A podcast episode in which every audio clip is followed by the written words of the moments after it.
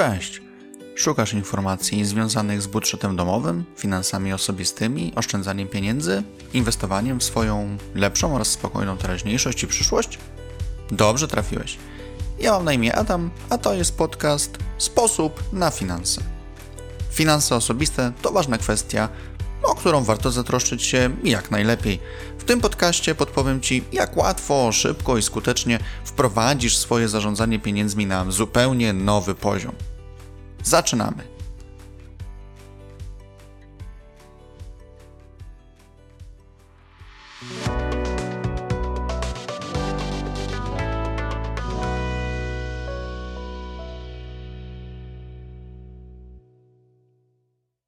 Witam Cię w dziewiątym odcinku podcastu Sposób na finanse, w którym opowiem Ci o tym, jakie dodatki na dziecko można uzyskać. Narodziny dziecka to bardzo ważny i emocjonujący moment w życiu każdej rodziny, ale to także ogromna odpowiedzialność za nowego członka rodziny, a także za sytuację materialną Waszego gospodarstwa domowego. Wspomnę natomiast, jakie dodatki na dziecko można uzyskać, np. becikowe, 500, zasiłek opiekuńczy oraz jakie dodatkowe przywileje czekają na Ciebie po pojawieniu się dziecka w rodzinie. Zacznijmy od becikowego. Popularne becikowe to jednorazowe świadczenie, które można uzyskać po narodzeniu się dziecka. Jest to świadczenie w wysokości 1000 zł na dziecko. Aby je uzyskać, należy w ciągu 12 miesięcy od narodzin dziecka złożyć wniosek we właściwej jednostce Urząd Miasta, Urząd Gminy, Ośrodek Pomocy Społecznej, a następnie czekać na wypłatę świadczenia.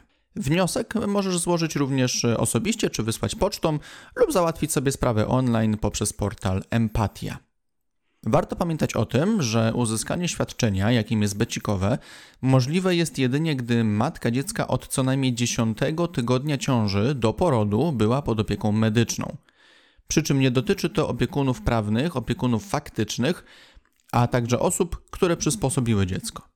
Aby uzyskać 1000 zł na dziecko, trzeba również spełnić kryterium dochodowe. Dochód na osobę w rodzinie nie może przekraczać 1922 zł netto i to jest stan na 15 czerwca 2020 roku. Becikowe warto mądrze rozdysponować. Po pojawieniu się dziecka w rodzinie wydatków jest naprawdę sporo. Po otrzymaniu 1000 zł na dziecko masz dwie możliwości. Możesz wydać becikowe na bieżące potrzeby. Dla maluszka przyda się wiele rzeczy: wózek, fotelik samochodowy, łóżeczko, czy też różnego rodzaju kosmetyki, śpioszki. No naprawdę jest tego sporo. 1000 zł na dziecko to nie jest mało, ale nie jest też to jakaś zawrotna kwota, która wystarczy na wszystkie niezbędne akcesoria. Dlatego warto zakupy dla maluszka planować jeszcze przed jego narodzinami, zbierać sobie fundusze, robić zakupy etapami jeszcze przed urodzeniem się dziecka.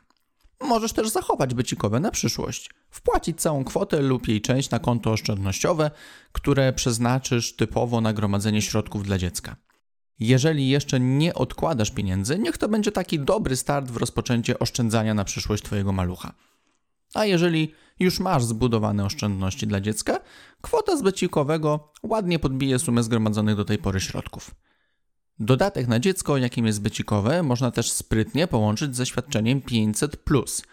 Na konto oszczędnościowe wpłacamy środki z becikowego, a następnie regularnie uzupełniamy je kwotami, które można uzyskać z programu 500. Obecnie działający program 500 przewiduje możliwość uzyskania 500 zł miesięcznie na każde posiadane dziecko. Nie istnieją również żadne kryteria dochodowe, które trzeba spełnić, by uzyskać świadczenie. Składasz wniosek i co miesiąc otrzymujesz dodatkowe pieniądze. 500 plus na pierwsze dziecko obowiązuje od 1 lipca 2019 roku. Aby uzyskać to świadczenie, należy złożyć wniosek w gminie, wysłać wniosek pocztą lub wypełnić wniosek przez internet. Ja osobiście złożyłem wniosek e, przez swój bank, e, który z poziomu bankowości internetowej umożliwia wypełnienie i wysłanie zdalnie odpowiednich dokumentów. Bardzo wygodne rozwiązanie. Środki regularnie wpływają na konto i naprawdę mogą wesprzeć nie jeden budżet domowy. Choć osobiście preferuję odkładanie tych pieniędzy, to wiem, że wiele rodzin wykorzystuje te środki na bieżące potrzeby i poprawę warunków życia swoich dzieci. Świadczenie to przysługuje do momentu ukończenia przez dziecko 18 roku życia. Też nie chcę tutaj wdawać się w dyskusję, czy 500 plus na pierwsze dziecko to dobry pomysł, czy niepotrzebne rozdawnictwo a tak naprawdę to czy rząd w ogóle ma jakieś pieniądze, które może rozdawać, ale ze swojej perspektywy wiem, że 500 plus na pierwsze dziecko pozwoliło mi zbudować fajne zaplecze finansowe i uruchomić ubezpieczenie medyczne dla mojej pociechy. A także pomogło sfinansować zakup różnych akcesoriów potrzebnych na co dzień. Na przykład ubrania dla dziecka. Ale staram się ogólnie wydawać te środki jak najrzadziej i jak najmniej podbierać z tej puli 500. Po pojawieniu się maluszka na świecie, rodzice mogą skorzystać nie tylko ze świadczeń, które dadzą zastrzyk gotówki do budżetu domowego, ale również wnioskować o dodatki na dziecko, które pomogą odpowiednio zająć się pociechą i pozwolą spędzić z nią pierwsze dni życia. Dodatki na dziecko, które za chwilę wymienię, nie są z rodzajów finansowych, ale bardziej czasowych. Warto je wykorzystać, e, aby odnaleźć się w nowej sytuacji i zapanować nad zmianami, które zajdą w domu po pojawieniu się w nim nowego członka rodziny. Można wykorzystać urlop macierzyński. Choć nazwa wskazuje, że to urlop dla mam, to nie jest tak do końca. Ten dodatek na dziecko wykorzystać może również tata. Długość urlopu macierzyńskiego zależy od ilości dzieci urodzonych przy jednym porodzie. Istnieją również odpowiednie zapisy regulujące to, w jaki sposób takim urlopem mogą podzielić się ze sobą rodzice dziecka. My nie skorzystaliśmy z opcji podziału.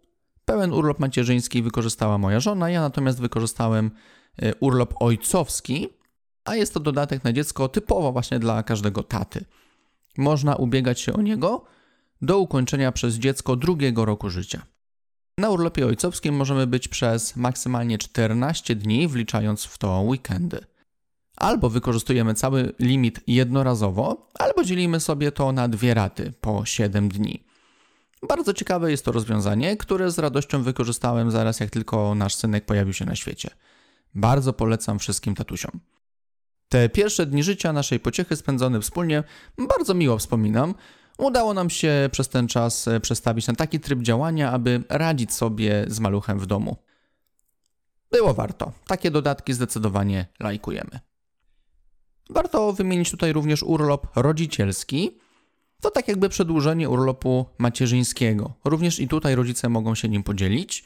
Jego wymiar także uzależniony jest od liczby dzieci urodzonych przy jednym porodzie. Składamy odpowiednie wnioski i cieszymy się czasem dla naszego dziecka. Nie zapominajmy także o urlopie wychowawczym. Jest to dodatek na dziecko, który również rodzice mogą podzielić między siebie. Można również przebywać na urlopie wychowawczym jednocześnie. Urlop wychowawczy nie musi od razu oznaczać braku dochodu z wykonywanej pracy. Są tu dopuszczone opcje wykonywania pracy zarobkowej, nie może to jednak kłócić się ze sprawowaniem opieki nad dzieckiem. Do rozważenia jest także opcja obniżenia wymiaru czasu pracy. Jeśli już wymieniamy różne dodatki na dziecko, to nie można zapomnieć o czymś, co nazywa się zasiłek opiekuńczy. Wykorzystać go można, gdy nasz maluch jest chory, takie jakby L4 na dziecko. Oczywiście w tym przypadku dochód zmaleje. Wysokość zasiłku to 80% podstawy wymiaru zasiłku, czyli średniego wynagrodzenia albo przychodu z ostatnich 12 miesięcy, jak przy chorobowym. Ilość dni, za który otrzymamy zasiłek, zależy od tego, czy opiekujemy się dzieckiem chorym czy zdrowym oraz zależy od wieku dziecka. Zasiłek opiekuńczy przyda się też, gdy potrzebujemy dodatkowego czasu na opiekę nad dzieckiem.